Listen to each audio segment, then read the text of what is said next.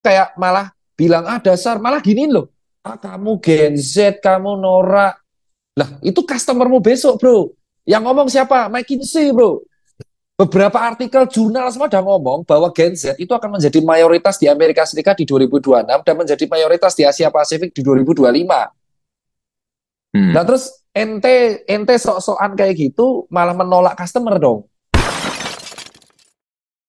Welcome to Talk to Talk Podcast. Let's talk now bersama gue Andri dan episode kali ini gue kedatangan dokter yang lagi kalem-kalemnya, sudah tidak marah-marah lagi. Dokter Tirta, apa kabar bro? Alhamdulillah puji Tuhan baik Pak. Aman jiwa. Gue gila, abis nge-gym nih. Gila, gue kema- tadi lihat postingan lu, badan lu makin jadi main edan gila lu. Enggak lah, itu kalau ke- ketutup sama baju oversize juga nggak nampak itu Pak. Iya, tapi tetap aja bro, dalamnya tuh ke- keker, gila itu kering, kayak ala-ala Bruce Lee lah. Ya gara-gara kegiatannya hiburan cuman itu mau gimana coba. Mau nongkrong juga nggak ada nggak nggak ada waktu kan ya kegiatan hiburannya cuma di lari sepeda sama nge-gym. Ya, ya itu Iya, doang. iya. Tapi kan ini bro, kalau olahraga kan bikin kita happy bro, ada hormonnya kan. Apa namanya Betul? Gue betul. gue lupa tuh. Endorfin bro. Iya endorfin, betul betul betul. Hormon Iya. endorfin yang bikin kita happy. Habis olahraga malah jadi lebih happy kan. Iya betul sekali dan pola tidurnya jadi teratur sih. Gara-gara kita memaksakan diri jam 10 jam 11 tuh mentok harus tidur. Iya, bener loh. Eh, gue kan tahun ini umur 40 bro ya. Jadi tuh oh, itu makin berasa banget bro. Kalau lu nggak olahraga sih abis lu bener lu badan tuh banget pegel. Bener. Iya gila. Sebenarnya sekarang juga udah udah kerasa kayak kita kalau kita tuh kan kan aku generasinya kan mediocre ya. Maksudnya generasi yang kelahiranku tuh tahun 91 tuh kan sekarang lagi memang karir-karirnya tuh menuju ke atas lah. Tapi kan Yoi. strugg- struggle-nya kerasa kan. Jadi kalau kita nggak jaga pola tidur yang baik atau kesehatan baik itu hancur masih di umur 40-nya. Lu tuh masih suka nonton bola yang begadang nggak jam-jamnya? Oh, jujur kalau Liverpool udah enggak, bro. Hampir dari 2022 udah enggak. Kecuali pertandingan big match. Karena mau nggak mau kalau kita concern pada satu gol tuh harus ada yang di trade off, harus ada yang dikorbanin. Ya, korbanin hal-hal seperti itu, Pak. Hmm, sama gue juga. Gue Real Madrid juga kadang udah lawan Barcelona pun gue nyerah lu nggak bisa lu gue lu. Gue udah mending. Gua manteng, kalau aku sih mantenginya masih lewat kayak flashball, kayak Pandit Football. Mereka kan memberikan analisa, jadi seolah-olah aku kayak nonton langsung gitu. Iya, betul, betul, betul, betul. Tapi kalau suruh nontonin live gila, gue nggak bisa lu bro. Gue kalau nonton live Sama, sama, jam sama. 3 gitu kayak final Piala Dunia kemarin gitu ya. Waduh gila, gue bisa ngantuknya tuh bisa berhari-hari gue. Sama, sama. Mungkin karena faktor kita sudah rutinitas yang berat dan kita usia kan, kita jadi harus kayak udah ada prioritas sendiri sih. Iya, Itu jelas sih, kerasa itu, kerasa banget. berasa banget bro. Eh tapi lu ini ya, eh lu lu tahun ini berapa sih? 38 ya? Tahu enggak, 32 aku bro. 30 Oh, lu tiga- Juli besok aku 32. Oh lu 32 ya? 91 aku. Oh iya lu 91 Gen Y ya? aku, Gen Y, Gen Y, Gen Y. Iya, iya masih sama. Gue tapi gue Gen Y-nya yang Gen Y ini bro. Gen Y itu. Enggak lah, lu X bro. Lu X bro. Gue 83 Gen Y lah. Gen Y awal-awal. Milenial awal. Eh, Tapi gue udah. Gen Y itu, eh, Tapi gue tuh Gen Y udah mah itu aja dari 86 pak. Lu X akhir pak. bukannya 80. Eh 81. Enggak sih kalau Nah ini sih kalau dari aku sendiri sih lah aku masih mengkategorikan antara Y itu di 85 ke atas. Kalau 83 tuh masih apes. Jadi X terakhir sama Y awal tuh generasi yang menurutku lumayan apes tuh karena ekonomi lagi gak enak gitu tahun itu. Iya sih. Ekonomi lagi gak enak di tahun itu. Iya. Dan umur 40 ya gue harus berdamai. Gue tuh udah pakai kacamata plus bro. Hah plus Iya bro.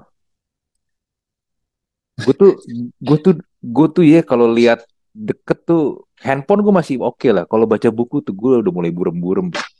Serius.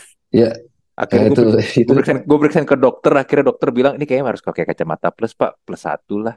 Jadi ternyata ya, itu harus terima nasib tuh. Tapi lu 40 apa 41 apa 39? 40, gue udah 40, gue udah 40. Tahun ini? Tahun ini 40. Tahun ini 40. Tahun ini 40. Wah anjir, ya nggak kerasa ya. Iya, gila. Tapi lu nggak ada minus kan? Minus gue nggak ada. Nah itu dia. Gue kan nggak ada minus. Pas gue bikin eh, orangnya nawarin mau ada progresif gak. Cuma gue bilang gue nggak ada minus kan. Jadi gue kalau progresif juga buat apa ya? Udah akhirnya gue bikin kacamata plus doang yang emang bener dipakai pada waktu baca doang kan. betul. Masalahnya kalau lu pakai buat jalan, lu lihat jauh burem, burem. pusing Burung banget. jadi gak enak. Pusing ya, benar. pusing. Hanya buat hanya buat baca doang. Iya, pu- pusing banget. Aduh, kacau dah. Ya nanti lu juga gak ngerasain lo bro. Yang pasti kan kita umur kan akan ini ya akan naik ya namanya umur ya pasti akan berubah. Iya, iya, iya, iya. Itu sih yang salah satu hal di umur 40 yang gue harus berdamai bro. Gue kecapan plus bro. Gila. Anyway, kan gue tadi baca thread lu ya. Eh, Jarang-jarang gue buka thread, tapi sekalinya buka thread pasti minimal ada lu muncul di timeline. Lu tuh Yang apa? lagi Kreatif director ya? Eh, satu kreatif director. Terus kemarin lu juga ngoceh-ngoceh. Ada vendor yang katanya kerjanya nggak bener, anak culture segala macam. Lu sebetulnya kenapa sih bro? Kan waktu itu lu cerita sama gue waktu pas di podcast e-commerce lu udah nggak mau marah-marah lagi bro. Kenapa lu Itu sebenarnya marah-marah lagi? marah. Jadi threads itu kayak pet sih kalau aku lihat sih. Kan Hmm, threads itu kayak pet. Jadi kayak yang itu nggak marah sih lebih kayak namanya orang ngeluh ya. Kan kita wajar ya kayak kita ngeluh terus habis itu kita lanjutin hidup lagi ya wajar. Ngeluh itu wajar banget. Jadi Iya. itu ngeluh karena aku sebagai respon bahwa sebenarnya yang bermasalah di Indonesia itu SDM gitu. Gitu loh. Itu itu adalah faktor yang awal mulanya eh, aku trigger, aku cerita kayak gitu di threads tuh kayak ini medsos beda gitu kan. Kayak lebih kayak pet lah aku aku nganggapnya tuh kayak As FM kalau kamu pernah inget ada XFM kan? ada dulu ada. Ya kan ASFM kan. Cuma kan Hmm. anonim kan kalau yang tanya sama pet kan. Iya. Nah, ini aku posisi kayak gitu kayak ya udah gundah aja. Jadi yang pertama itu eh, aku tertariknya itu adalah ternyata banyak orang yang kerja itu ada dua kemungkinan, Pak. Satu, dia pinter tapi salah posisi. Yang satu, dia nggak bisa apa-apa tapi di posisi di situ. Hmm, ini posisinya Jadi posisi itu yang tinggi nih menurut lu nih.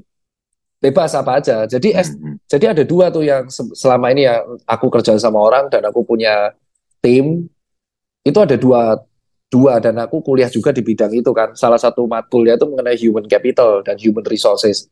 Itu ada dua kemungkinan ketika kita berhadapan dengan kerjaan. Itu yang pertama adalah dia pinter banget akademis, tapi dia di, berada pada posisi kerjaan yang salah. Atau yang kedua, ya dia memang nggak bisa apa-apa, tapi ditempatin di situ. Gitu. Nah, ternyata ada juga ternyata tambahan yang ketiga.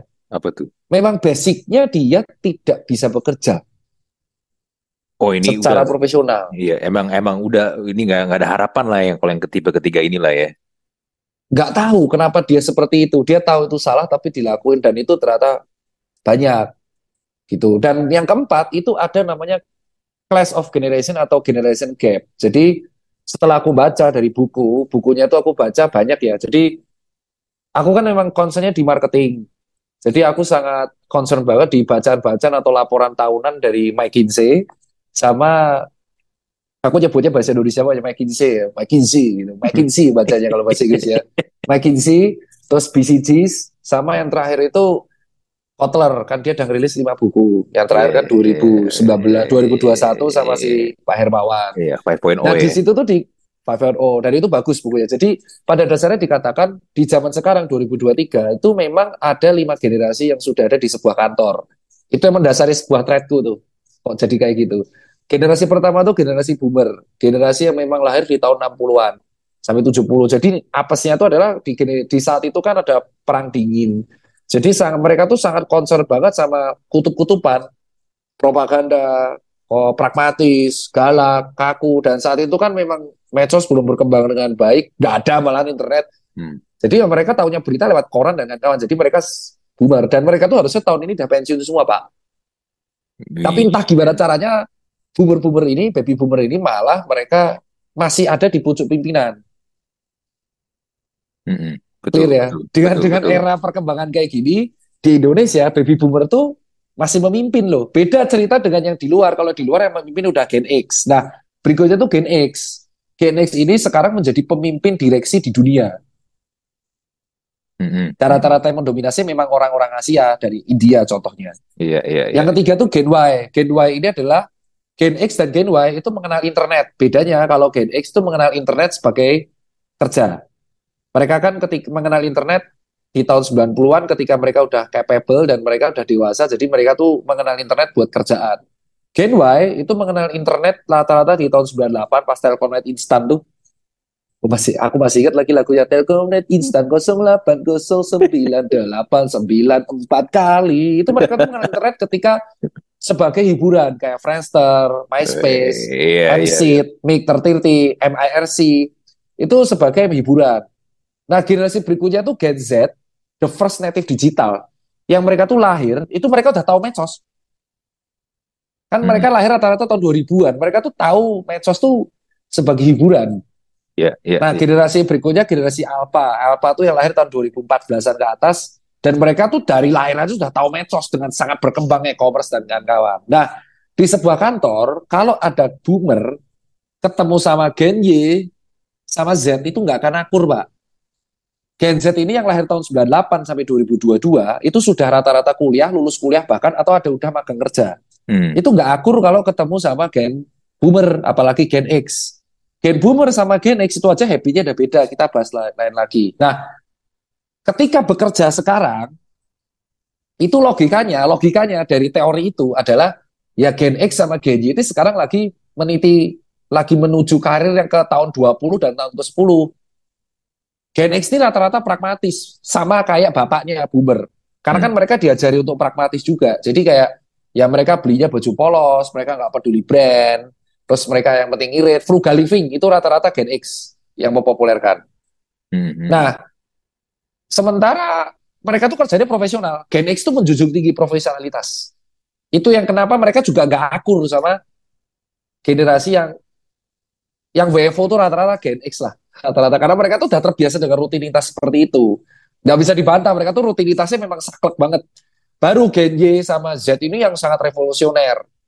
Nah, kenapa aku harus sharing mengenai creative director yang seperti itu? Karena dengan adanya medsos, itu menjadi informasi banyak beredar. Hmm. Karena informasi banyak beredar, ini tergantung generasinya ini mengadaptasinya gimana. Kalau boomer, itu mereka tidak bisa menseleksi informasi dengan baik.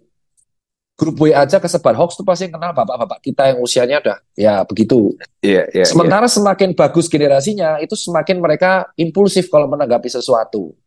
Nah, karena informasi di media sosial itu beredar sangat banyak, kita tuh jadi nggak bisa bedain nih orang mana yang beneran jago, orang mana yang memang nggak jago. Karena di medsos semua itu personal branding. Ada orang yang postingannya kerja tiap hari sebenarnya nggak bisa kerja. Ada orang yang jago kerja tapi mereka nggak post tiap hari. Iya bener lagi. Jadi akhirnya mendapatkan ya bener. Iya bener bener. Dan sekarang sekarang aku tanya lah, Gen X rata-rata itu nggak mau pamer loh di medsos.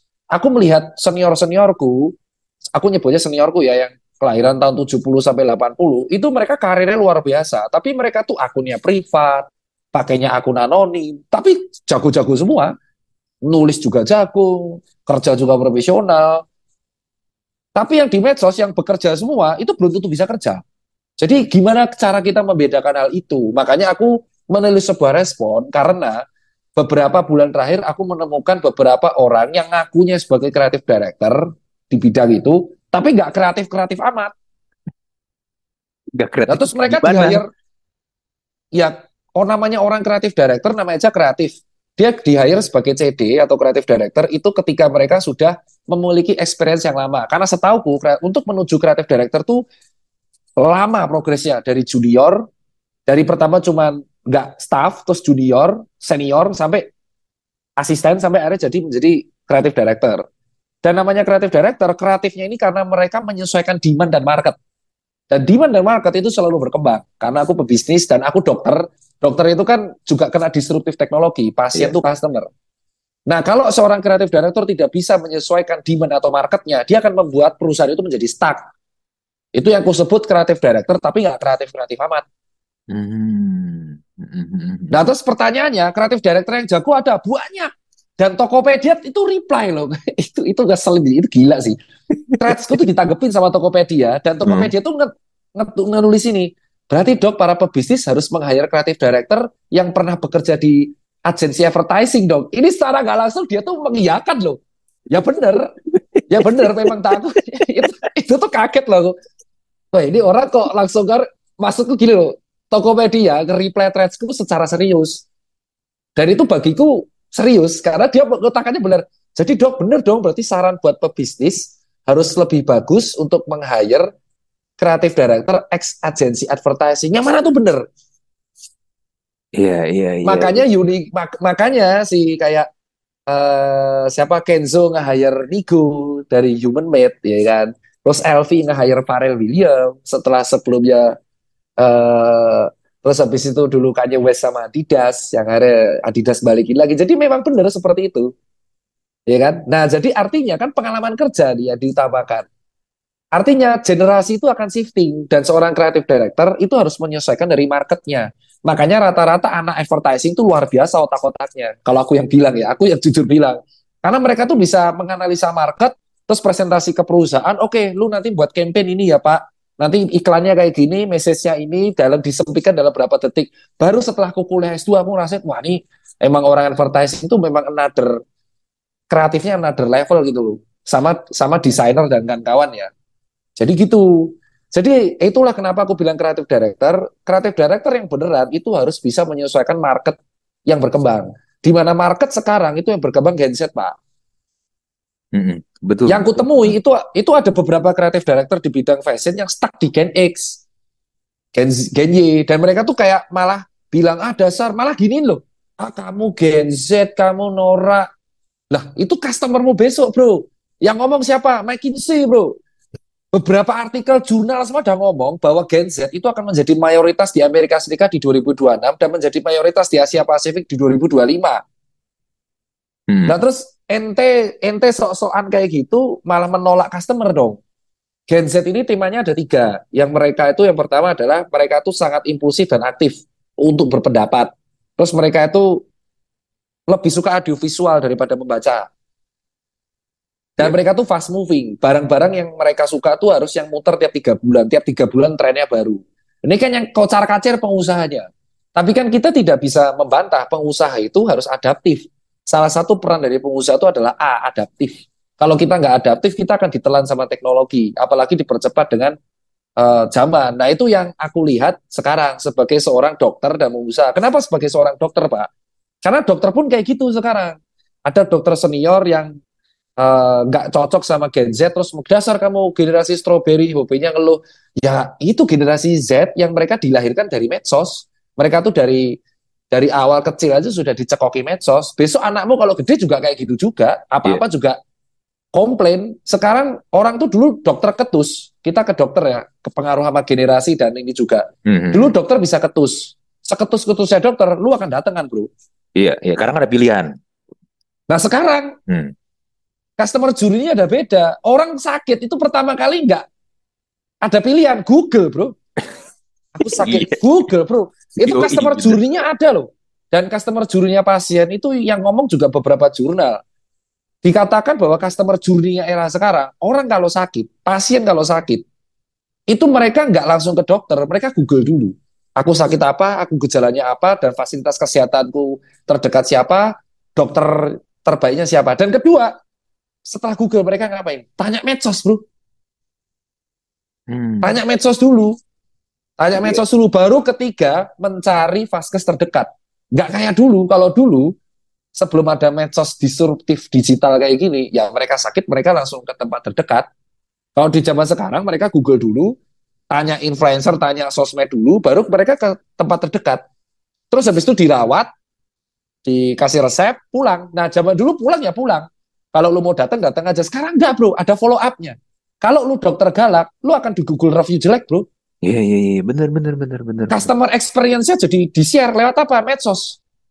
Nah, ini kan menjadi adaptif buat dokter. Dokter yang dulunya ketus-ketus, senior-senior kita tuh yang umur tua-tua kan sepuh-sepuh, setus-ketus. Sekarang kita nggak boleh ketus. Sekarang dokter harus memanfaatkan medsos untuk meningkatkan trust dari pasien untuk edukasi. Kenapa? Karena dengan kita edukasi dengan elegan, maka pasien kan customer journey keduanya mencari info kesehatan lewat medsos dan Google. Hmm. Trust kita jadi naik. Semakin kita sering edukasi, semakin trust pasien ke kita tuh naik, personal branding kita kebentuk, dan mereka akan datang ke kita. Itu disruptifnya di dokter. memahami generasi. Kenapa? Karena generasi sekarang apa-apa tuh Google sama TikTok. Iya, iya, iya, iya, iya, betul, betul, betul. Nah, itu yang kurasakan sekarang, Pak. Makanya aku Threads, bagiku Threads itu adalah salah satu media platform yang ternyata habitnya itu malah mirip pet buat ngeluh. Padahal ngeluh dulu di Twitter. Cuman karena di Twitter ngeluh tuh sering dirujak, Iya, jadi iya, pindah ke iya. Threads. Jadi pindah ke threads, betul, betul. Iya, Threads tuh jadi tempat ngeluh kayak pet. Aku tuh nganggep Threads tuh kayak pet, kayak aku ngeluh, aku dengerin musik apa, terus aku bilang jangan lali Jumatan ya lur. Soalnya kalau di Twitter itu tuh semua orang bawaannya pengen berantem loh, Pak. Iya, betul. Aku tuh ya Pak, aku tuh Pak, aku tuh cuman ngepost foto anakku masuk Al Azhar, SD Al Azhar. Itu aja trending Pak, berantem Pak. Iya, iya, iya, iya. Gue Eh. gue lihat gila itu berantemnya sampai ke mana-mana loh. Sampai ada yang bahas eh, ini nanti salah milih. Ternyata dibahas SMP, Pak. Anakku tuh baru SD kelas 1 yang dibahas SMP. Jadi kayak ini bawaan Twitter memang kayaknya bawanya berantem ya ini kayaknya ya gitu loh. Jadi akhirnya aku cuma ngepost foto anakku aja bisa jadi berantem. Yang berantem bukan ke akunya. Yang berantem tuh antar netizen. Iya. Lucu kan? Iya, iya bener. Gue gue lihat gue lihat itu yang postingan lu di Twitter itu tuh gila lu itu ke mana-mana lu berantemnya lu itu. Iya ada yang sampai gaya hidup, lifestyle. Ternyata Iya. apa? Ya dibahas Jabodetabek, ya dibahas SMP. Dan lu tahu nggak? Yang reply itu rata-rata Gen Z, bro. Genset yang Jadi aku belum- tidak yang belum tentu punya anak kan, belum punya anak Gen Z juga yang kan. belum lulus, Iya. yang belum lulus. Itu artinya customer experience. Jadi aku tahu, aku belum mau belum anakku masih SD, aku udah tahu. Oh ternyata SMP yang di sini kayak gini. Oh ternyata kayak gini. Jadi ya alhamdulillah, terima kasih kamu care sama anak saya. Jadi kepedulian Gen Z ke anakku aja tuh lebih besar. Aku aja tuh nggak ambil pusing kayak ini baru kelas satu coy kayak ya aku nggak lepas tangan juga sebagai orang tua masa mereka anakku masuk sekolah terus aku diem aja kan nggak mungkin kan ya pasti tak tapi it- itu cerminan bahwa Gen Z itu se sekritis dan seimpulsif itu di medsos. Hmm. Dan gini bro, gue juga lihat fenomena kan juga banyak dokter-dokter juga selain lu yang suka kasih edukasi-edukasi Edukasi. di, di, di sosmed kan ya. Eh, dan tadi itu gue juga sempat baca tuh kalau nggak salah ada yang kritik, ini dokter main sosmed mulu emang nggak praktek. Wah, gue jadi bertanya-tanya, loh memangnya kenapa kalau kasih edukasi? Tadi kan lu bilang kalau memang journey-nya memang harus begitu ya mau nggak mau memang dokter-dokter ini memang harus eh, adaptasi kan. Iya itu Dokter Purno Purnawirawan, Iya iya Purno, Purno Setiaji, Dokter SPOG itu. iya dia di Itu ada- itu yang itu yang ngeritik bukan pasiennya bro. Disclaimer, itu yang ngeritik sejawatnya loh. oh bukan Iya, pasien jadi- itu. Bukan, bukan. Itu yang ngeritik sejawatnya sesama generasi X. Hmm. Kan gue bilang Gen X itu jarang main medsos. Hmm, hmm, hmm, hmm. Gen X itu ber- bekerja dalam sembunyi. Jadi mereka nggak relate ngapain harus edukasi. Ya karena mereka belum rasain pasien mereka tuh akan shifting Betul. gitu loh. Jadi dokter ini kan nggak ada pendidikan marketing, Hmm. taunya praktek. Tapi aku kan belajar manajerialnya, non struktural. Aku belajar struktural, manajerial, marketing, health management tuh ada topiknya, bro. Di Indonesia nggak ada tuh topik S2 marketing health management. Di luar negeri ada, bro. Aku belajar itu. Jadi aku mempelajari bahwa medsos itu kalau dimanfaatkan dengan baik oleh dokter, pasien akan trust, bro. Aku nggak takut, bro, sama dokter luar negeri. Dokter luar negeri yang kerja di Indonesia, bro, itu nggak paham masuk angin sama kerokan. Iya, iya betul betul betul. Yo, sekarang bayangin ada dokter Amerika Serikat sama dokter Korea. Let's say mereka praktek di Jogja atau Solo. Mas, mas, Pak dokter, Mister dokter, aku masuk angin, enter win. Mana paham mereka? Tidak, apa itu masuk angin? What's the meaning of masuk angin? Perawat nggak ngerti mereka. Dan medsosnya dokter Indonesia tuh maju, bro.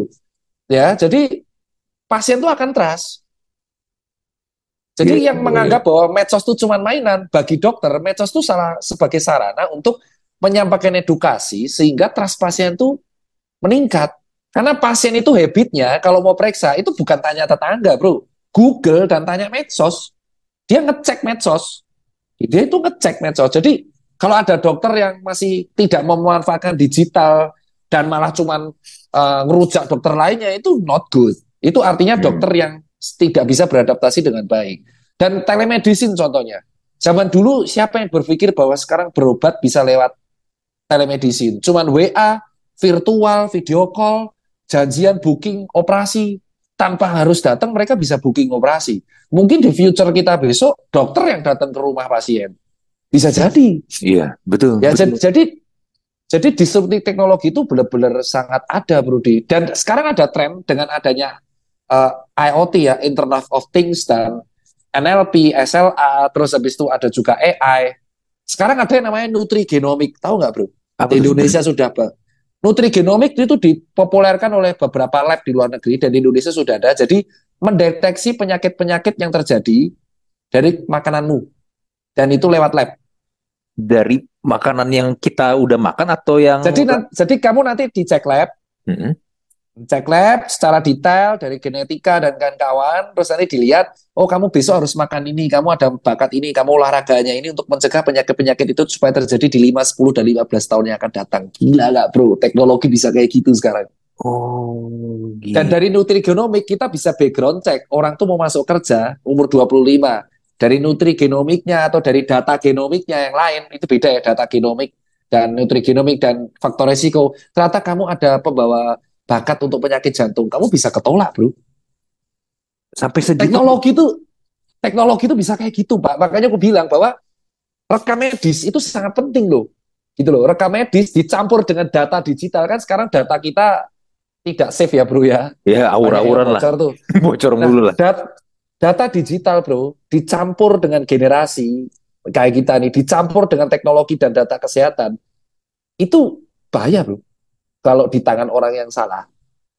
Hmm, hmm, hmm. Betul, betul. Ke depannya orang nih, future aku yakin nih, 5-10 tahun lagi, orang ngelamar kerja, itu bukan hanya dilihat dari rawa penyakitnya, tanpa aja, oh KTP-mu ini, diklik database, kamu ada riwayat penyakit ini ya bro, kamu ada bakat ini, oke kamu nggak bisa masuk. Daripada nanti perusahaan nanggung asuransi ke kamu berat. Nah, bahaya kan bro? Apa solusinya? Kan olahraga. Makanya aku tuh populerkan gaya hidup itu, jaga-jaga kalau nanti teknologi kita sangat gila banget, nanti kamu ada bakat penyakit kronis dari diabetes, jantung, gara-gara gaya hidupmu, kamu bisa ketolak kerja. Iya, iya, iya. Dan iya. itu kan tidak bisa, aku edukasi itu jadi apa? Generasinya jadi nggak nyatu, bro. Itu, bro. Aku tuh sering, sering aku mau, aku tuh sering bilang sama orang-orang generasi boomer, Bok, kamu tuh manfaatin medsos yang benar. Jangan buat hate speech. Medsos ini kalau kamu manfaatin dengan benar, itu akan menguntungkan menjadi competitive advantage buat dirimu. Bukan malah menjadi kompetitif destruktif buat dirimu sendiri. Kalau kamu manfaatin medsos buat melampiaskan emosimu, it's not good. Kenapa? Karena itu bisa, ya, it's not good aja, malah nggak bagus buat dirimu. Karena Gen Z itu baca, anakmu juga baca. Anakku aja sekarang tuh tahu, Papa, papa, aku kemarin lihat kontennya papa loh yang nasi minyak. Papa, kenapa sih kalau di medsos hobinya dulu marah-marah terus? Kan malu bro, anakku tanya. Papa dulu rambutnya dicat toh kayak gulali. Masuk anakku sendiri juluki aku gulali kan malu bro. Iya, Makanya kan iya. aku bilang gen- generasi Alpha, Alpha itu generasi yang 2015 ke atas, itu akan ngebuat malu kita. Aku tuh dikritik sama anakku sendiri. Papa katanya nggak boleh marah-marah. Papa marah-marah. Dulu rambutnya dicat. Gulali. Aku dijuluki gulali sama anakku sendiri. Iya. Makanya malu bro. Dari Iya. situ kan kayak, ya setiap orang pasti punya masalah masa lalu dan aibnya masing-masing. Cuman kan aku dikritik anakku berkali-kali. Iya. Aku sampai yang paling fatal, bro, diginiin sama anakku, bro. Makanya aku bilang generasi Alpha 2015 itu generasi cerdas. Aku digin dan generasi yang kayak susah banget sopan santun ya. Aku tuh tapi anakku alhamdulillah lumayan lah, lumayan ya lumayan adab lah. Diginiin. Eh, gurunya, guru TK-nya datang ke Alpha, Alpha, nama anakku juga Adriano Alvarez. Pak Tirta, tolong ke ruangan bentar pas ngambil rapot. Alfa itu kemarin diajak sholat, sempat bantah. Loh, kenapa Bu? Kan bingung aku. Mhm. Masa jawaban anaknya bapak gini, lah papa kemarin Jumatan aja ketiduran. Masa aku aku juga dipaksa Jumatan. Lah sampai malu kan. Guys. Ya aku tahu anak kecil jujur, kritis. Nyepuin bapaknya sendiri, bro. Malu lah aku lah. Nah dari Iya, sini kan iya. aku mengatakan bahwa ternyata generasi sekarang Z dan Alpha itu adalah generasi yang sangat kritis. Tapi nggak bisa filter omongannya. Tapi itu menjadi bagus buat kita sendiri. Bahwa kita, oh ternyata generasi muda itu lebih kritis gitu loh. Kita aja yang adaptif sama mereka. Betul. Di zaman betul. generasi X mana ada mengejar WFA, tahunya ya kerja tuh WFO. Tapi di sekarang aku malah menerapkan WFA di sebagian kantorku dan ternyata efektif juga. Hmm. Karena memang generasi sekarang tuh ya tidak perlu ditekan aja mereka sudah menekan dirinya sendiri. Dan aku tidak mau menganggap itu lebay kayak apa-apa healing, apa-apa healing. Aku ngaca. Aku aja juga apa-apa juga healing sih. Apa-apa aku juga di teras tuh healingku. Mungkin healingnya beda. Hmm. Healingku adalah aku di teras ngopi selesai. Healingnya mereka tuh jalan-jalan ke gunung itu ya nggak apa-apa. Beda generasi beda caranya. Aku tidak menganggap itu sebagai sebuah bagian dari uh, hal serius untuk perdebatan gitu. Malah kita yang adaptasi. Tapi kan namanya orang kan pasti ada yang namanya alaynya masing-masing kan. Hmm, Aku betul. dulu juga alay, sekarang udah berubah. Nah generasi sekarang kan ada alaynya juga dan ya udah nggak masalah gitu. Karena kalau mereka menjadi market kita juga. Betul, betul, betul.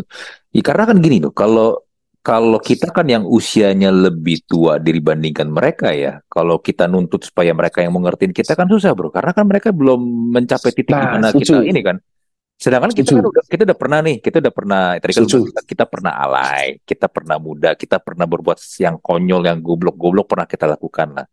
Ya menurut gua harusnya dengan adanya generasi Z, ya kalau sini konteksnya adalah itu itu adalah market kita ya menurut gue ya kita justru yang harus turunin level kita di level yang mereka. Jadi supaya kita bisa komunikasi sama mereka kan. Mau nggak mau daripada lu cuman bilang generasi yang lemah terus yang akhirnya ya, itu itu. antipati sama lu. Ya karena semua orang tuh pasti kan punya masa lalu dan punya masa alay dan masa aibnya masing-masing kan bro. Betul. Gak ada yang 100% tuh di dunia ini tuh sempurna dan terlalu baik tuh nggak ada. Setiap orang tuh pasti punya masalahnya masing-masing. Dan bagiku kalau kita lihat Gen Z sekarang yang terlalu vokal, apa-apa dia harus nge-blow up, ya itu memang karena mereka dari lahir diekspos sama medsos. Ya kayak generasi kita aja apa-apa musik, Bro. Karena kita tuh generasi Y dan X tuh dikenalkan sama MTV. Iya, betul. Betul, betul, betul. Iya kan? Ya karena kita dari lahir aja taunya MTV, MTV, MTV ya. Akhirnya apa-apa apa? Musik. Iya, iya, iya. Musik. Terus sekarang kita kita tidak bisa kayak ya di setiap generasi itu pasti ada gaulnya masing-masing gitu loh. Jadi yang itu mengakibatkan bahwa ya kalau kita memang sudah pengen uh, adaptif ya kita harus adaptif dengan generasi mereka. Why? Karena mereka tuh become majority in the next five years gitu. Dan generasi kita, kita tuh akan menua dan kita akan menjadi the next boomer berikutnya. Boomer itu tinggal 6% bro di Indonesia. 6% baby boomer tok. 6% dari 270 juta penduduk itu boomer. 6% tok. Hmm, hmm, 6% persen dan kelak 10 tahun lagi kita tuh akan menjadi the next gen ya. Gitu loh. Jadi kita harus sadar kita tuh menua gitu. Jadi ya sadar aja kita menua ya kita harus tahu bahwa kita akan digantikan oleh generasi yang baru. That's it. Ya kita kalau nggak mau kalah ya kita harus belajar, kita harus belajar. Ya kalau kita cuma menghujat yang bawah, itu namanya post power syndrome. Betul. Lucunya sekarang generasiku itu malah post power syndrome dengan menghujat yang Gen Z karena menganggap mereka lemah. Padahal kalau aku bilang mereka mereka bukan lemah karena mereka tuh dari awal dikenakan teknologi. Mereka dari awal sudah tahu ada delivery, cowok. Ya di zaman yeah. kita kan nggak ada gitu. Kalau mereka ya bukan berarti karena mereka dari awal nggak tahu, bukan berarti mereka lemah. Memang mereka dari awal udah kenal teknologi gitu. Beda sama kita yang kenal teknologi dengan Friendster. Mereka kenal teknologi sudah matang semua. Apalagi generasi anak-anakku nih, yang mereka dari lahir aja, anakku aja dari awal udah punya iPad, udah punya tablet, belajar apa pun materinya digital, punya e-book, udah belajar, udah bisa main GTA tuh lah, Cuk. Sama ponakan gue juga gitu, Bro. Ponakan gue ngajarin gue main Roblox. Gue gue sebagai oh, iya, orang iya, Iya, makanya gue gue yang sebagai gue suka main game dari zaman Nintendo 8 bit diajakin diajarin ponakan gue main Roblox, Bro. sama, aku juga diajarin itu sama apa uh, Minecraft. Oh ya Minecraft juga. Nah ini lucu ya Minecraft nih. Aku lucu bahwa aku sangat salut dengan brand Uniqlo ya karena mereka brand yang sangat-sangat memahami demand dan market dan adaptif. Minecraft ini kan sebenarnya mainan rumit ya. Iya. Gak tahu kenapa yang main tuh youtuber sebenarnya. Youtuber ini malah ditonton sama anak-anak kecil yang lahir di 2014-an. Hmm, hmm. Anakku main Minecraft dan epicnya Uniqlo itu bulan ini merilis semua rilisannya Minecraft. Iya, iya, iya, iya. Jadi anak aku tuh ke Uniqlo, milih yang papa mau baju yang Minecraft yang hijau karena ini punya. Anakku aja tahu ada SCP, monster SCP yang teriak. Buset nih orang tahu ya. Aku aja nggak tahu. Jadi kayak aku tuh paham medsos di usia 15, 10 sampai 15 tahun dan anakku paham paham Minecraft bisa bahasa Inggris dari Maths. Anakku tuh bisa bahasa Inggris itu justru dari game loh. Itu kan kayak buset nomor 6 tahun loh belajar bahasa Inggris tuh kayak ini ini tuanya mau semasif apa ya kan? Ini ini anakku kalau dewasa mau se mau se secepat apa belajarnya gitu loh. Iya, iya, iya. Tapi gue juga sama, bro. Gue juga belajar kan? bahasa Inggris. Bukan, dari game gue juga belajar bahasa Inggris. Tapi lu belajar bahasa Inggris dari game umur berapa? Iya, udah SMP-an, SMA sih. Ya ini anak kita bro, umur 4 sampai 6 tahun belajar bahasa Inggris dari Roblox sama Minecraft. Artinya kan 8 tahun lebih cepat. Iya betul. betul. Ya ini kan yang tidak bisa kita terima bro sebagai aku tuh refleksi pada diriku sendiri. Oh ternyata dulu aku alainya itu pakai skinny jeans, ya kan rambut polem, hmm, ya kan, yeah, yeah, ya kan. Yeah. Tapi sekarang ya mereka kayak gini gitu ya kita harus terima aja karena mereka tuh menjadi majority tahun depan. Makanya jangan kaget kalau perpolitikan ini sosok anak-anak muda ya karena mereka majoritinya tuh swing voternya Gen Z. Penentu presiden 2024 tuh Gen Z bro. Tapi ini kalau mau ngomong dikit ya, tapi kampanye para caleg dan para capresnya masih pakai cara-cara untuk targetin Gen X dan milenial tua, bro. Ya makanya mereka datang ke konser kan, bro. Iya sih, tapi ya. Iya kan. Iya kan. Nah, iya, iya, iya, iya, Ini yang aku seneng tuh adalah majority dari Gen Z itu akan JJ akan menjadi majority tahun depan dan dua tahun lagi dan mereka akan menjadi penentu kemenangan presiden why karena mereka swing voter hmm. mereka pengalaman pertama kali nyoblos dan nyontreng itu tahun depan betul Gen Z itu nyontreng tahun pertama kali itu tahun depan jadi yang bisa merebut dari Gen Z itu yang akan menang kecuali Gen Z-nya golput semua ya ada kemungkinan sih kayak begitu cuman Ya itu kan sebenarnya juga pernah kita alami bro ya, pas lagi kita juga pertama kali nyoblos. 2014 kita. Ya, uh, gue 2009 gue pertama kali nyoblos kalau nggak salah. Iya. Aku pertama kali nyoblos 14. Iya iya. Eh kayaknya iya lupa kayak 2009. Bener lu. Iya 2009 gue dari iya, iya. 2014 gue 23 tahun gue. 2014 tuh gue 23 hmm. tahun. Hmm. 2009 gue belum nyoblos. 20 hmm. tahun, 20 tahun dan Oh, udah, udah nyoblos gue 2009, udah 2009, 14, 19. Nah, Gen Z tuh pertama kali nyoblos ya tahun ini. 2024. Makanya kan ku bilang apa kan? Hmm. Ya ada tiba-tiba yang anak muda berbicara politik, ya itu mereka gampang dapat suaranya gitu. Jadi sebenarnya ya class of generation ini terjadi karena kita tuh merasa tua aja. Kita butuh validasi untuk dihormatin. Dan yeah. kita melupakan bahwa respect itu didapatkan bukan diminta. Iya, betul. Respect, respect is earned. earn. Hmm. Ya, respect is earned, bukan hmm. bukan untuk dimin. Ya, kita akan mendapatkan respect kalau kita layak mendapatkan respect. Dan itu aku cerminkan buat diriku sendiri. Berarti kita tuh rata-rata orang yang menghujat Gen Z itu adalah orang-orang yang haus hormat. Sampai kemarin di Twitter beneran kan? Hmm. Apa sih sama cutting nggak bisa hormat? Karena lo gua tuh berasanya biasa-biasa aja kayak ya kalau lu mau kalau kamu mau negur orang tuh nggak perlu apa-apa diviralin gitu kayak ya nggak ada yang peduli juga kayak masalah hidup kita tuh udah banyak gitu loh iya tapi jangan karena cuman kita yang lucu tapi tuh mereka tuh seumuran bro sepantaran bro ya haus hormat lah apalagi coba iya tapi masih satu, satu, masih satu generasi loh cuma gara-gara gitu doang ributnya udah pokoknya ngapain Ya itu sama aja kita zaman dulu pas muda kita ributnya di BBM lomba-lomba update status BBM kan nyindir-nyindiran. Oh iya lagi itu aduh itu, tai. Ya itulah namanya generasi hmm. Z tuh apa-apa diupdate medsos dan itu memang yang kita harus nasihatin hmm. ya kayak hmm. ya agak semuanya harus diupdate medsos Mas. Tapi ya dia minta maaf ya walaupun ada alasan-alasan lainnya tapi lah, lah, mereka akan belajar sendiri bahwa medsos itu bisa dua mata pedang. Gitu. Enggak semua hal itu harus diupdate gitu loh.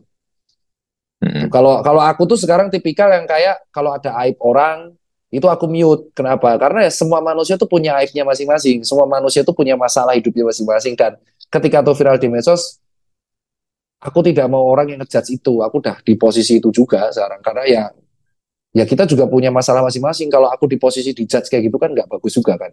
Hmm, betul, Gitu. betul. Jangan sampai kita tuh hanya viral-viral di medsos perkara lo gua, buset. Kayak, ya itu kan kamu kan bisa ketemu anjing, nggak kamu tuh bisa samperin dia terus ketemu. Oh ya sama dikit anjing selesai masalah gitu kayak Iya. itu doang makanya yang harus kita makanya Gen Z seperti itulah yang harus kita tuh maintain kayak bro next time kayak gini-gini ya bro gitu.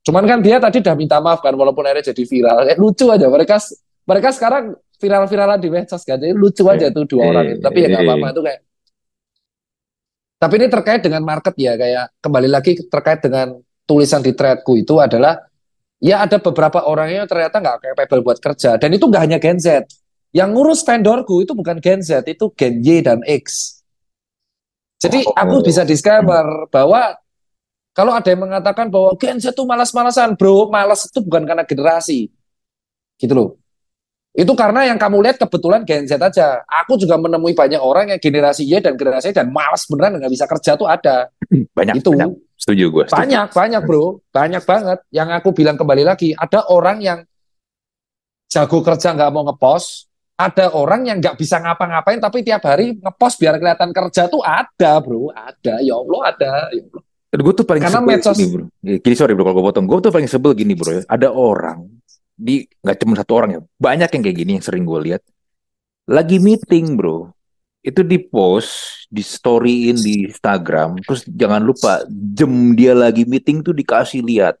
Wow jam 10 malam nih lagi meeting. Terus dikasih di videoin kan. Oh latar belakangnya udah malam segala macem. Cuman pertanyaan gua, lu terus-terusan hampir tiap hari ngepost kayak begituan, lu kapan kerjanya satu? Terus yang kedua adalah lu meeting jam 10 malam, lu selama tadi pagi sampai sore, lu ngapain aja?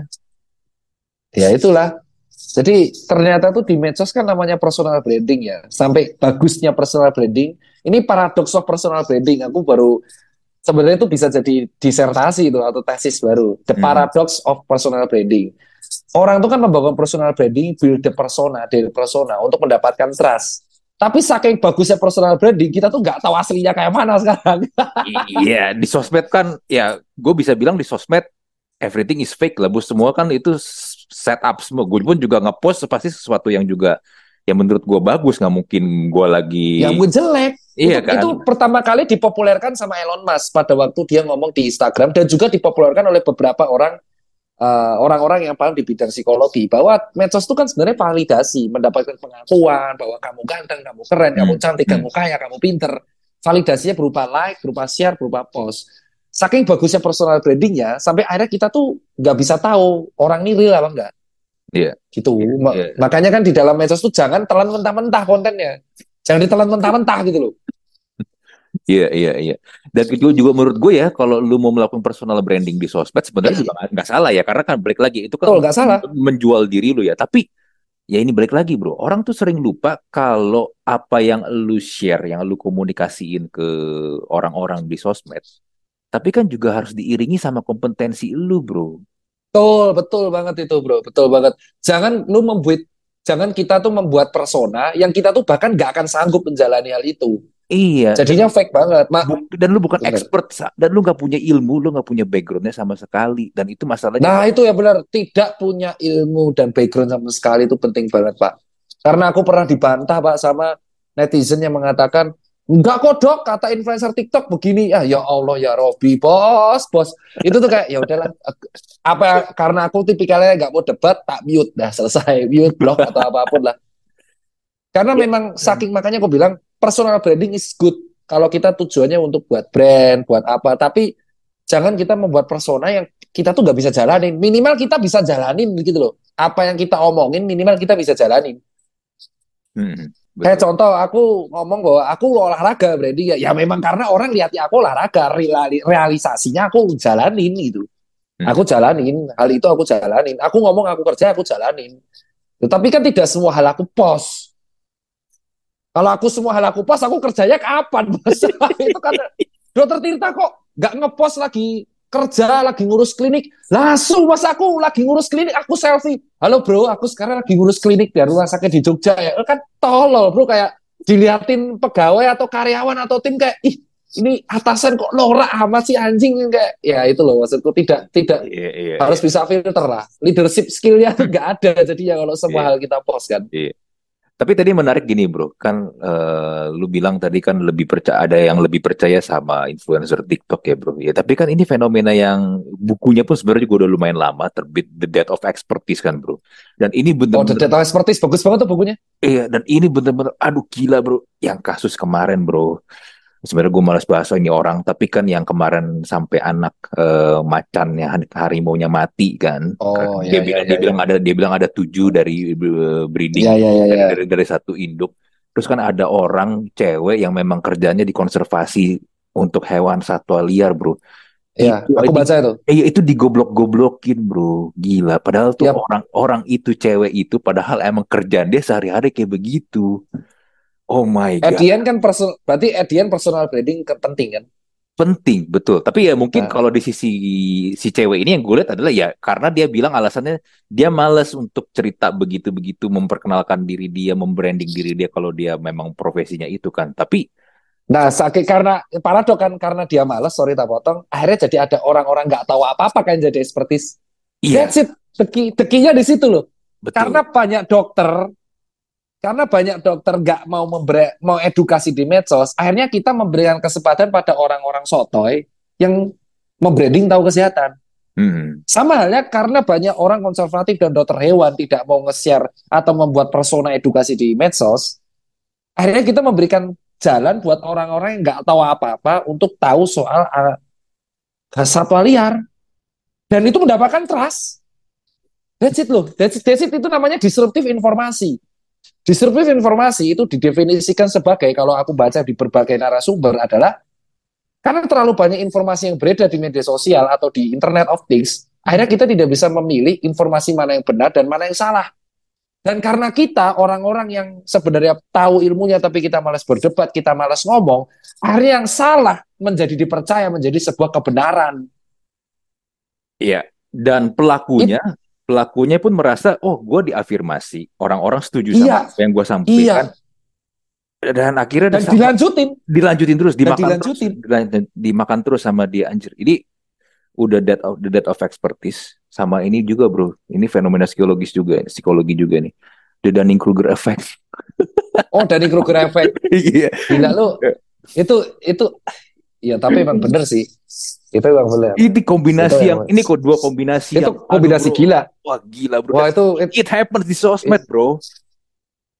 Ya itu terjadi karena kita memberikan ya gimana ya karena ini adalah challenge bahwa kalau lu punya ilmunya sekarang you have no choice kalau lu nggak mau muncul di medsos ya tapi aku orangnya try nulis kayak atau apa kayak kenapa karena at least itu adalah salah satu cara untuk kita menjernihkan SDM kita biar nggak terlalu terjerumus hal seperti ini Aduh. Gitu. Iya. iya. Karena kita harus berkaca ya, kenapa aku concern banget. Aku tuh nge-tweet berkali-kali loh Pak. Kalau dirimu baca di Twitter berkali ber- beberapa bulan terakhir, aku tuh selalu nge-tweet bahwa negara yang maju selalu ditentukan keniatannya pada pendidikan dan kesehatan. Karena itu, itu aku selalu ngomong. Kenapa? Karena dari penelitian dan beberapa nar- narasumber dan kawan-kawan, itu buku yang di dosenku ya, itu dosen yang lumayan aku senang, Profesor Jan mengatakan, negara maju itu negara yang mengandalkan knowledge untuk meningkatkan GDP-nya. Maksudnya apa? Kalau dia negaranya hanya mengandalkan SDA, SDA itu akan habis. Hmm. Nah, kalau kita melihat perkembangan zamannya pada knowledge, resiko knowledge itu ada akan ada gap of knowledge. Dan itu PR PR -nya government untuk menyamaratakan hal itu. Hal itu terjadi di tahun 70-an di Jepang, knowledge-nya bagus banget. Mereka bisa ngebuat perusahaan itu lebih efektif, efisien. Yang menjadi di bubble economy of Japan tahun 80 yang satu tanah di Tokyo harganya sama aja satu pulau. Ya. Mahal banget itu tanahnya. Ya, ya. Terus habis itu Korea Selatan yang akhirnya sangat maju banget ilmu pengetahuannya walaupun sekarang tingkat suicide-nya maaf tinggi juga karena stres. Biasanya memang kalau negara yang SDM-nya juago-juago memang tingkat suicide dan depresi yang luar biasa karena pressure jadi naik. India yang CEO-nya sekarang si levelnya sebagai besar orang India, Mhm. lalu ada China. Jadi negara-negara yang bisa shifting ke knowledge itu bagus. Nah, di Indonesia itu literasi aja masih low. Literasi masih low, akses pendidikan juga nggak sama rata. dan fokus kita tuh di situ masih jauh gitu. Belum kesehatan. Makanya cerminan orang yang tidak bisa memisahkan mana kebenaran, mana kesalahan di dalam media sosial, tidak bisa menyeleksi atau filter, itu cerminan bahwa SDM kita tuh kemampuan knowledge-nya masih rendah dan harus diakuin. Jadi PR itu harusnya di situ. Jangan memviralkan orang-orang bodoh. Dan masalahnya mereka akan viral terus karena yang pinter nggak mau viral, yang pinter tuh nggak mau ngomong. Ya, tapi gini bro ya, e, masalahnya kan yang bodoh ini ya, kalau nyebut tadi kan bodoh ya, dan tanda kutip ya. Ini kan banyak bro ya, banyak banget sampai kadang-kadang banyak, aduh gimana ya, gue, gue sering ngomong begini nih, e, orang Indonesia itu sebenarnya tuh suka membaca, membaca tuh bisa bro, tapi, tapi orang Indonesia kebanyakan bisa membaca tapi tidak bisa memahami dan mengerti konteks apa yang dia baca, bro. Sampai gini ya, ini pernah berapa kali kejadian. Lu pasti pernah lihat juga lah di marketplace, bro. Ada yang jual casing handphone kan. Casing handphone, let's say misalnya casing iPhone 14, harga cuman 150 ribu atau 100 ribu. Dibeli barang nyampe dia komplain karena dia bilang oh yang nyampe cuman casing padahal jelas-jelas di situ ditulis dan di gambar juga ada itu casing iPhone 14. Tapi kan orang kalau jualan casing iPhone, nggak mungkin dong casingnya doang, pasti ada iPhone-nya juga dong biar kelihatan kan. Tapi orang-orang oh. ini kebanyakan mengira itu iPhone, bro. Ya itu namanya gap of knowledge yang menurutku sangat fatal tuh di situ. Gap of knowledge kita tuh jauh, STM masih rendah. Dan kita tuh harus membanyakin pengetahuan di mana-mana gitu. Makanya hobiku sekarang tuh memang di situ kuliahku aja aku ngambil rutin di situ gitu. Aku ngambil gimana ya? Aku ngambil magisternya di situ. Besok aku ngambil magisternya di situ karena memang aku menganggap bahwa kita tuh krisis di pengetahuan dan kesehatan aja. Kalau kita bisa menyelesaikan masalah itu, sebenarnya Indonesia bisa maju. Aku udah gak berharap sama seni di atasku semua. Aku hanya berharap pada aku dan sekitarku aja. Hmm. Gitu. Jadi kalau ada orang-orang pinter di Indonesia dan nonton podcast ini ya kalau kamu ngerasa pinter kamu punya ilmu bagikan ilmu aja ke sekitarmu karena itu yang bisa kita lakuin mungkin kamu bisa membagi ke 20 sekitarmu atau 50 followermu tapi itu bermanfaat untuk mencerdaskan followermu terserah mereka mau baca apa enggak gitu aku tuh masih sering buru ngabisin waktu ke Periplus membeli buku terbaru beli ebook terbaru gitu karena buku itu bagiku bisa membuat aku wawasannya tambah luas sehingga aku kalau ngobrol sama orang tuh nggak kelihatan cengok nggak goblok gitu loh. Tapi kan tidak semua orang menyadari hal itu bahwa ada orang yang jeplak tapi nggak baca buku. Pas tak debat ya kosong, ilmunya kosong gitu. Betul. Padahal ketika kita kosong, membaca gitu. buku itu kita tuh belajar untuk uh, berpikir dengan terstruktur karena buku itu Betul, kan struktur. ditulis struktur. terstruktur kan. Dan struktur, benar. menulis pun juga kita belajar untuk menulis secara terstruktur ya tapi kan kalau nulis di chatting nggak nggak ada struktur ya kan jadi kayak orang ngomong asal-asalan aja kan.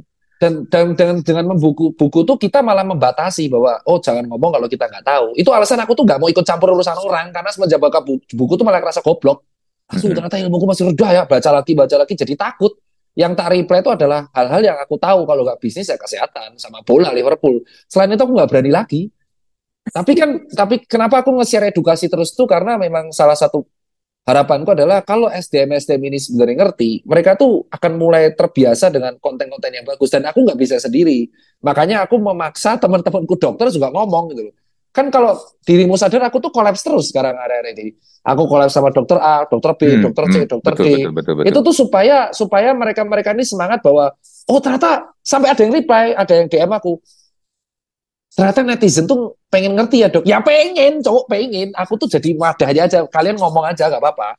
Seniorku ngomong karena kita tuh harapan satu-satunya supaya mereka tuh ngerti gitu loh. Karena keterbatasan akses ke informasi itulah yang mereka nggak tahu nih informasi benar atau salah sehingga mereka jadi seperti itu pak. Gitu. Aku juga nggak berharap lagi sama sama jujur leader-leader yang ada di negara ini juga. Aku nggak peduli juga dan apatis juga levelingnya. Mau siapa pun presidennya PR tentang pendidikan kesehatan itu masih panjang.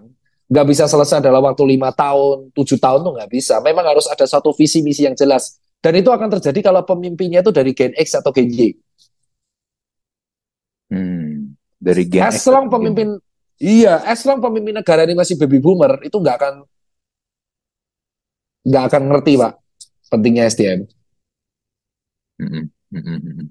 Iya, iya, iya. Jadi aku yakin Indonesia akan berjalan baik kalau pemimpinnya itu antara gen X atau Y. Yang memiliki dasar akademis dan praktisi. Jadi memiliki pengalaman antara experience dan praktisinya seimbang. That's it. Gitu. Iya. Jadi kalau ditanya titik kuncinya Indonesia tuh di tahun berapa ya? 2029, 2034. Bukan 2024 bagiku. Karena siapa pun pemimpinnya yang mimpin masih boomer. Mm-mm. Mm-mm. Kan yang mimpin masih baby boomer. What I- what can I expect gitu? Apa yang aku expect gitu? Apakah aku memaksa mereka kembali lagi ke generasi mereka kan? Apa aku mem AI gitu, Internet of Things, apa ngerti? Contohnya Menteri Menteri Telekomunikasi kemarin informatika yang mengatakan bahwa eh, data yang bocor 330 juta. Kan penduduk kita cuma 270 juta. Lah ya itu kan data-data yang meninggal juga ada, Pak. Gimana sih ente? Itu kan logika aja data yang bocor 330 juta artinya ada database yang belum di-delete. Big datanya belum di-delete. Ya Allah. Iya, iya, iya, iya, iya, iya, bener. Eh tapi gini bro ya, ini, ini, ini, ini mungkin juga ada fenomena yang juga lu pasti juga aware lah ya. Tapi dengan SDM kita yang seperti itu bro, dan mayoritas banyak ya. Kan sekarang ada AI bro ya. Ya, ya, ya. Ini kalau tadi lu bilang eh, 2029 atau 2034 bro ya. Bisa jadi bro kalau kita nunggu Gen X atau Gen Y yang jadi leader-leader di negara kita bro. Ini SDM-SDM yang kayak begini nih. Ini udah keganti semua sama AI bro. Lu tahu kan Oh, sekarang? belum. Oh, enggak, itu bisa tak potong. AI itu akan mengganti tugas repetitif. Setuju. Tapi kalau Mm-mm. untuk tugas-tugas yang masih pemikir dia nggak bisa. Hmm. Soalnya gini AI bro. itu akan AI itu akan mengganti repetitif dan 10 tahun lagi generasi alpha, generasi anak-anak kita Hmm, itu udah menjadi generasi produktif. hmm, Jadi aku masih bisa jamin 10 tahun lagi generasi anak-anak kita tuh generasi produktif yang emas. Emas tuh di generasi anak-anak kita nih yang sekarang kelahiran 2010 sampai 2000 eh, 2015 ke atas itu generasi emas yang terpapar teknologi yang Hmm. namanya aneh-aneh. Hmm. Aku masih bisa potong. AI itu dangerous. Enggak. Selama kalian punya soft skill dan tugas kalian nggak repetitif. Kalau tugas kalian repetitif atau yang bisa diulang tanpa mikir itu akan hilang pasti. Karena AI lebih efisien daripada tugas repetitif. Jadi ya itu tergantungnya si government itu sendiri buat kebijakannya kayak apa. hmm, hmm. Soalnya gini bro, gua gua gua soalnya ngomong begini karena kenapa eh, Elon Musk sama ini ya, eh gue lupa CEO-nya itu Open Open AI itu chat yang chat GPT itu gue lupa namanya siapa. Jadi sebenarnya tuh mereka tuh lagi ngembangin AI itu nggak hanya berhenti sekedar software-software doang atau aplikasi doang bro, tapi mereka tuh lagi ngembangin robot AI.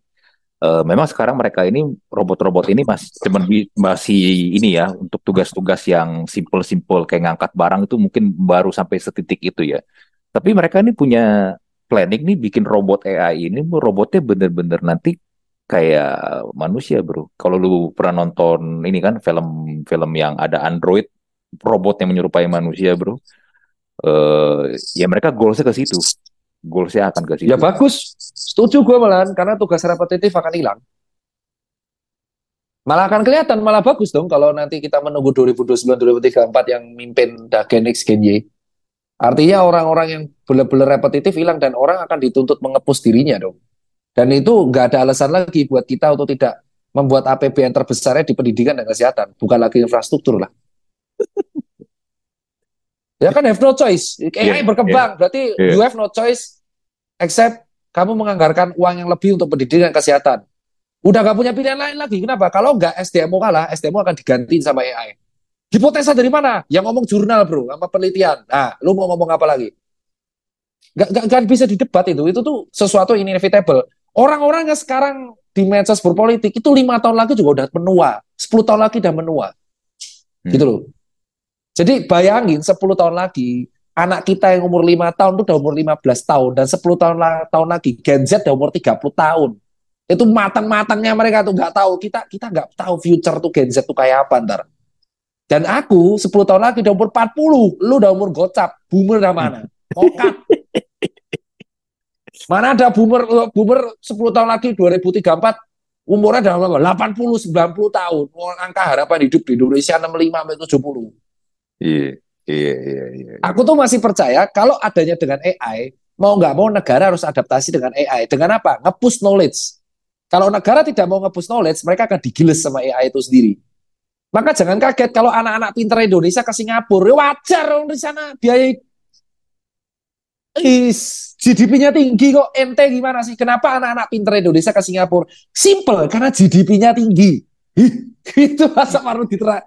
Bukan soal nasionalisme lagi. Hmm. itu soal GDP. GDP-nya tinggi, penghasilan penghasilannya tinggi, pendapatan kapitalnya tinggi, maka mereka pindah ke Singapura untuk mendapatkan taraf hidup yang tinggi yang, menge- yang mengakui knowledge. Negara N, negara Indonesia masih dominan SDA, maka mereka pindah ke Singapura yang dominannya mengutamakan knowledge. Karena mereka anak pinter, mereka pindah Singapura, mereka dihargai mahal. That's it, the key, that's it, knowledge. Bukan karena ngejudge mereka nggak nasionalis, tapi lu harus memperbaiki sistem yang ada di negara lu ini supaya mereka tuh balik. Hmm. Kalau sistemnya nggak balik, masih mengedepankan SDA terus, ya mereka akan keluar terus. That's it gitu loh. Tuh. Makanya aku bilang susah debat sama boomer itu susah. Nggak akan paham-paham mereka itu. Nggak akan paham mereka itu. Mau aku sekolah sampai, ini aku MBA bentar lagi lulus, aku MPH, habis itu MPH, mau aku PhD pun, debat sama mereka nggak akan nyambung. Dan itu nggak hanya pejabat ya, aku debat sama dokter yang boomer, mereka aja masih bilang, YouTube tuh gunanya buat apa toh? Wih, Wong rumah sakit tempat kamu kerja aja punya YouTube kok. Jadi boomer ini bukan hanya di pejabat loh, aku disclaimer loh. Profesi apa pun yang generasinya 70-an tuh memang susah banget adaptasinya. Resisten, namanya tuh resisten. Jadi resisten tuh ada dua. Resisten organisasional dan resisten individual. Hmm. Yang dilakukan boomer tuh resisten individual karena mereka di puncak pimpinan, maka mereka ngebuat company-nya menjadi resisten organisasional. Iya. Itu tuh ada teoritis. Ada boomer yang mau berubah, ada Profesor Ahmad Zubairi, itu guru besar UI. Dia melek medsos karena punya empat tim Gen X dan Gen Y, Gen Z itu jadi timnya. Ada. Hmm. Dokter Erlina Burhan, SP Paru, yang sekarang konten lagi, timnya empat orang. Ada bro, boomer yang mau melek adaptif tuh ada. Tapi lebih banyak boomer yang nggak mau adaptif. Contoh, bapak-bapak kita, ibu-ibu kita yang percaya dari hoax di WA. Yang gampang banget dia domba dari grup Facebook. Itu kan sebenarnya grup-grup boomer. Hmm, betul, betul, betul. Tenang, tenang. Lima tahun lagi, kelar tuh udah nggak ada. Gen X sekarang yang mimpin tuh. Iya, iya. Tabat. Jadi kalau ditanya, Dokter Tirta, 2024 kamu milih sopo? Oh, mumet bro. Ajak boomer KB. Emang bisa gitu anak Gen X gitu langsung memimpin jadi presiden? Orang mungkin. Angel. Nanti 2029 sama 2034 kita cek nanti siapa nanti yang di situ. Iya, iya, iya, iya. Kan memang aku berharap akademisi dan praktisi, bro. Yang memang mereka tidak, ya, ya namanya paradok ya. Semakin mereka dikenakan uang, mereka tuh sudah kaya tapi ngerasa nggak cukup. Iya. Nah, aku ngerasa sih nggak cukup ya ilmu, ya ilmu, ilmu, ilmu dan ilmu. Tanpa ilmu kita nggak bisa apa pun. Hmm, hmm. Betul, betul, betul. Ya, pengalaman gue sendiri juga pribadi, bro. Gue waktu itu ketemu temen gue, ya berarti kan seumuran gue. Temen SMP gue lah dulu. Kelahiran 83 juga. Dia ngelihat gue ada YouTube, ngelihat gue ada sama e-commerce segala macem. Dia, dia nanya ke gue, bro, lu ngapain sih kayak begini-begini? Ini kan kayak beginian kan buat anak-anak, buat anak-anak muda. Ngapain lu ikut beginian? Dan ketika dia ngomong gitu, di situ gue merasa bener sih bro. Gue banyak ngeliat teman-teman seangkatan gue bro ya. Itu memang kalau ngelihat sosmed-sosmed mereka kayak tadi yang lu bilang tuh di private atau kalau enggak ya jarang-jarang ngepost, nggak dipakai. Yang buat mereka yang mungkin ini udah kehidupan yang udah bukan mereka lagi bro. Dan kalau ketemu sama mereka ngobrol sama mereka bro, ya lu nggak bisa, gue nggak bisa expect kalau ngomongin itu ngomongin suatu hal-hal yang yang kayak kita ngobrolin sekarang lah bro banyak kan ya keluhan-keluhan atau cerita-cerita masa lalu atau kalau nggak ya itu keluhan tentang aduh gue udah ini nih udah mulai mesti cek kolesterol segala macam ngobrolan seputar itu jadinya bro gue kalau ngomong sama mereka gue jadi berasa lebih jadi tua beneran gue Ya betul kan. Jadi yang membuat ya sedihnya tuh di situ loh kayak ya boomer ini tuh tidak hanya pada pejabat. Kesalahan kita tuh ngecap boomer tuh pejabat enggak, sekitar kita aja, bapak-bapak kita yang gampang dipecah belah lewat grup WA. Bapak ibu kita yang gampang dipecah belah di grup Facebook, yang percaya hoax. Pejabat-pejabat kantor yang di grup boomer yang berantem sama Gen Z itu kan cerminan memang boomer nggak bisa adaptif dengan teknologi. Ya karena memang mereka susah, udah tua gitu loh. Tapi lucunya mereka tuh masih di pucuk pimpinan. Dan mereka mereka yang su Gen X tuh nggak bisa gantiin gitu loh. Makanya aku berharap ya 2024 kayak gimana? Ya ya pemimpinnya boomer semua. Ya apalagi ya sudah yang terjadi ya sudah sudah lagi ya. Aku tidak berekspektasi tinggi. Aku berekspektasi tingginya di 2029. Hmm. Siapa nanti anak muda yang di situ gitu. Tapi kalau anak mudanya masih kayak berperilaku boomer ya susah gitu. Aku tuh lebih menjunjung tinggi ilmu. Jadi jangan kaget kalau anak pinter Indonesia tuh di luar negeri semua akan pindah ke negara yang menghargai knowledge. Yeah. Kayak kemarin deh yang apa tuh mobil tenaga air. Iya, nah, yeah, hidrolisis yeah, kan udah lama, Bro. Kayak ya Allah, ini udah lama, Bro, hybrid, Bro. Ya Allah. Kayak gini bisa viral lagi kayak aduh ya Allah kayak ini di jurnal juga ada gitu. Ih, padahal di Indonesia sudah ada Sinta loh, sudah ada Sinta 1 2 3 4 5 6. Di kuliahan juga ada diwajibin baca Scopus. Aduh. Kayak aduh, Google Scholar juga udah banyak yang upload di situ. Jadi kan kesenjangan, jadi aku nyebutnya bukan lagi kesenjangan ekonomi. Aku lebih suka nyebutnya kesenjangan ilmu pengetahuan. Ya, Karena gap yang sangat pinter dengan gap yang sangat gak pinter tuh jauh banget bro. Lebih banyak yang gak pinter. Ya, ya, Dan gap yang gak pinter ini, yang gak pinter ini gampang banget di, dibakar, gampang banget diprovokasi. Ya, betul betul, gue setuju.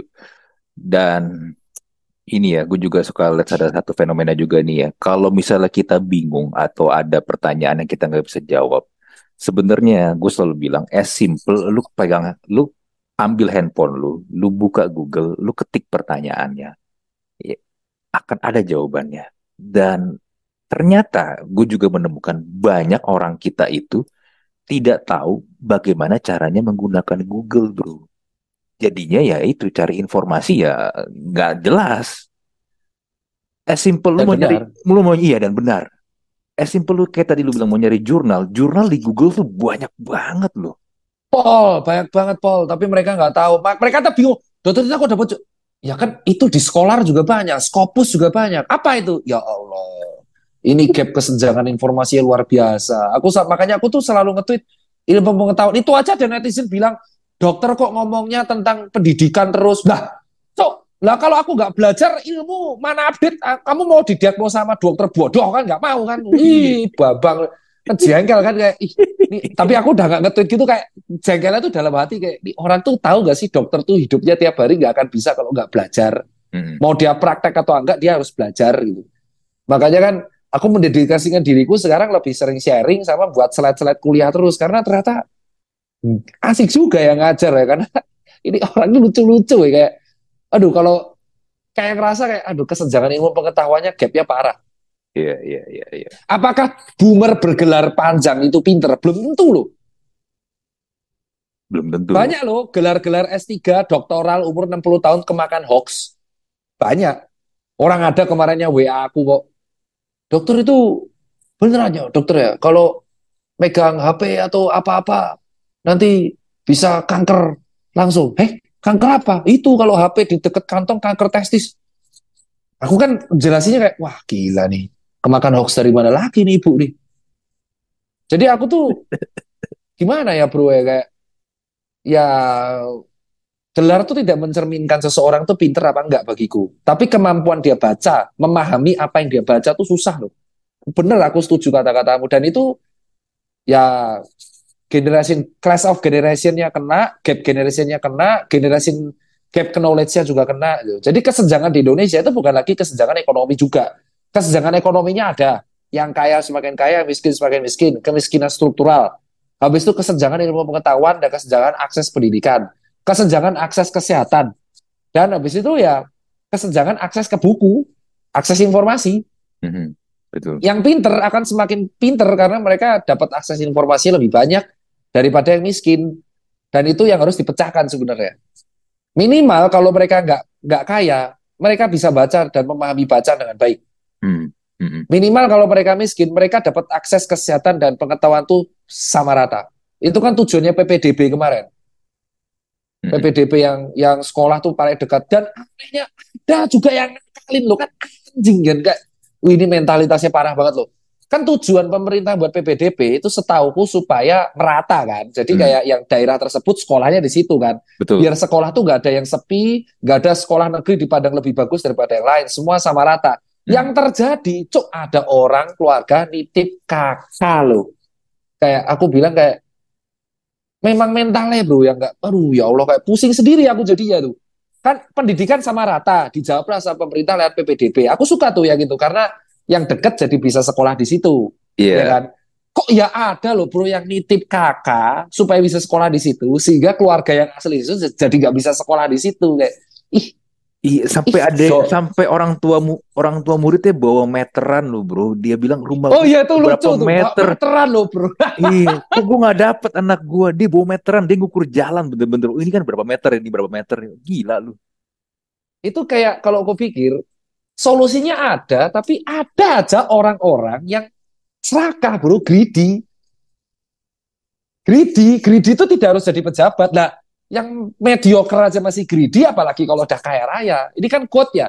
Lu masih miskin aja sudah greedy, lu mediocre greedy, apalagi kalau lu kaya raya, tambah greedy. Iya. Makanya kalau di zaman dulu, kenapa warga desa itu enak ya? Warga desa itu wang sinawang kalau orang Jawa sudah ngerasa cukup.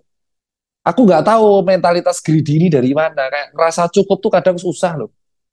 Wis cukup, yuk cukup ya gitu. Susah loh. Itu itu aja sih Pak. Paling kalau kita bahas AI lebih panjang lagi karena aku punya top eh, artikel banyak soal itu. Hmm, hmm. Susan Kerr tuh pakai AI loh untuk membuat kebijakan. Oh, lu pakai AI. Wah. Pakai dong Lenggana. Timku udah pakai AI semua. Aku pakai tiga. Bing, Bart, sama GPT. Hmm, hmm, hmm. Dan itu buat untuk menentukan kebijakan, tapi buat bukan buat bukan buat kebijakan mutlak, tapi reference. Hmm, iya, iya, iya. Karena AI itu kan membuat menjawab sesuatu bukan berdasar berdasarkan keseringan atau mayoritas. Oh, pertanyaan A paling jawaban paling sering B, maka B yang dijadikan referensi ke kita. Hmm. Jadi perusahaanku tuh udah pakai beberapa eh, teknologi, bro, untuk untuk membuat kebijakan. Dan yang sekarang untuk menghandle komplain. Ya. Aku tuh menghandle komplain aja sampai investasi di bidang aku mendirikan namanya SAC Innovation Center. Itu karena sama SAC Crisis Complaint Handling. Sampai bayar, bro, sebuah jasa untuk ngurus complaint handling. Nah, padahal kenapa? Karena aku udah nggak sanggup, bro, di usia aku segini ngurus itu. Aku lempar ke pihak ketiga. Dan Hmm. tahu timnya Gen Z semua, bro. Pinter-pinter, bro. Makanya dibilang Gen Z itu sucuk Gen Z orang yang pinter loh. Pinternya banyak loh. Nah, ini yang garap beberapa proyekku Gen Z yang fresh graduate aja pinternya setengah mati. Gitu. Jadi yang bodoh-bodoh tuh setiap generasi ada, jangan dipukul rata. Itu dan itu terbukti di e-commerce kan. Lihat aja yang komen kebanyakan Gen Y sama Gen Z. Fansmu tuh kebanyakan Gen Y, Gen Z artinya sampean sebagai Gen X bisa shifting market ke situ. Iya, betul, betul, betul. Kalau ada yang ngehujat, lucu banget sih Indri lu buat kayak gini-ginian. Nah, bro, lu nggak tahu market gue Gen Y, Gen Z. Media informasi mana lagi yang kayak gua? Nggak ada. kan ada. Lu cerminan, e-commerce tuh cerminan lo, salah satu platform media yang cara penyampaiannya diterima oleh Gen Z sama Gen Y dengan enak. Berarti Gen Z bisa baca dong. Betul. Ber- Betul. Berarti tidak semua Gen Z norak dong tuh baca. Ada Hmm. buktinya. Hmm. Tergantung kan. Lah, lu bisa adaptif. Temen lu aja yang nggak bisa adaptif. Terus otak lu jadi lebih topiknya jadi mudah terus kan. Lu jadi bisa podcast, lu jadi host, soft skillnya jadi banyak. Bayangin temen lu besok 10 tahun lagi jadi apa? Umur 50 tahun, berkutat dengan kolesterol, sementara lu sudah punya bisnis yang lain. Terus mereka ngeluh, ngel- nyalahin siapa, nyalahin apa, ya karena lu pada waktu umur 40 nggak mau produktif. Pas lu produktif, lu nyaman-nyaman aja. Kan dangerousnya manusia ketika posisi seperti itu. Betul, No betul. challenge. Iya, iya, iya, betul. Bro, ini kemarin gue buka pertanyaan, ada tiga pertanyaan sih. Eh, Kita ini ya, menjawab pertanyaan dari netizen, dari followers nih. Ini dari Wilson Wijaya. Dia nanya ke lu gini, ini nanyanya Liverpool lagi. Sejak kapan suka sama Liverpool dan siapa pemain favorit Dokter Tirta? 2005, Daniel Ecker, karena punya tato di NBA di tangannya. 2005 saya nonton, tapi saya suka sukanya itu pada waktu kan Sabi Alonso. Ah. Tapi saya paling suka pemainnya itu Daniel Eger karena punya tato di telapak ta- di jari tangan terus saya tiru nih ya, ya. Anjir. Daniel Eger. Daniel Eger gila back Denmark tuh ya. Ya. Oke. Pertanyaan kedua, ini dari Rizky Yulian. Wah, anjir. Ini pertanyaannya. Dokter, apakah semua orang harus menjadi pengusaha? Bagaimana pandangan Tidak. dokter terkait over glorifikasi untuk menjadi pengusaha sampai Tidak, kadang tidak. ada sebagian orang yang merendahkan posisi karyawan. Enggak, aku sekarang malah justru pengen balik lagi jadi direksi. Hmm. Hmm. Hmm. Hmm. Lucu kan? Aku tuh setelah jadi pengusaha 10 tahun, 13 tahun, aku malah dua profesi. Aku nyaman, aku dan aku lebih nyaman ternyata kalau kerja sama tim daripada jadi pengusaha. Jadi nggak harus, tergantung nyamanmu aja. Itu cuman kata-kata motivator aja. Ya kalau semua orang jadi pengusaha, Siapa yang jadi karyawan? Yang jen- jadi tim ya? bukan, bukan itu. Kalau semua orang jadi pengusaha jadi jenuh dong. Nggak ada demand-nya dong. Semua orang Iya. jadi supplier. Mana ada yang jadi market? Iya, setuju. Kalau aku justru malah sekarang nyaman di posisi garap project orang. Itu kerja ngurusi marketing, ngurusi data. Sometimes life is sometimes tuh life is not challenge gitu loh, gak ada. Ya aku malah malah pengen pengen pengen ngerasain kerja 9 to 5 lagi. Kan sekarang 9 to 5 aku udah nyaman kayak gini aku. Karena jam kerjaku tentu. Hmm. Pengusaha tuh jam kerjanya nggak tentu. Ya, betul, betul. Jam tidurnya juga nggak tentu. terakhir, Terakhir nih ya. terakhir. Waduh nih yang terakhir nih Yogi Iskandar ini agak-agak teori konspirasi nih. Apa pendapat dokter mengenai agenda Great Reset 2030 dari World Economic Forum? Ini kayak udah lewat nih. Be. Jadi kalau dari agenda seperti itu aku no comment. Ini orang nanyanya ajaib juga nih. No comment. Alasannya simple no comment. Kenapa? Satu, aku harus mempelajari lebih lanjut. Aku tidak mau berkomentar sesuatu yang aku tidak kuasain. Hmm, Dah, dua itu. Iya. Jadi aku, aku nggak mau komentarku akan menjadi ambigu dan berdasarkan kesotoyanku. Jadi aku no comment. setuju, setuju, setuju. Lagian yang seingat gue ini kan Great Reset 2030 ini kan wacananya pas lagi COVID kemarin kan. Iya, makanya. Tapi aku nggak mau soto yang membahas itu karena anggap aja aku nggak tahu. Udah beres. Iya, tuh. Kan tidak semua hal harus gitu. Some, sometimes no answering is the answer. Itu. Sometimes no decision is the best decision. Iya, tuh buat Yogi Iskandar tuh dijawabnya gitu tuh. No answer is the best No answer. answer. Yo, Oke lah bro, thank you bro ya buat ngobrol-ngobrol bro. Thank you Pak, thank you Pak. Ya, ya, ya, ya, nanti uh, kita jumpa lagi di Talk to Talk podcast episode berikutnya. Gua Andri dan Dokter Rita. See you. Bye.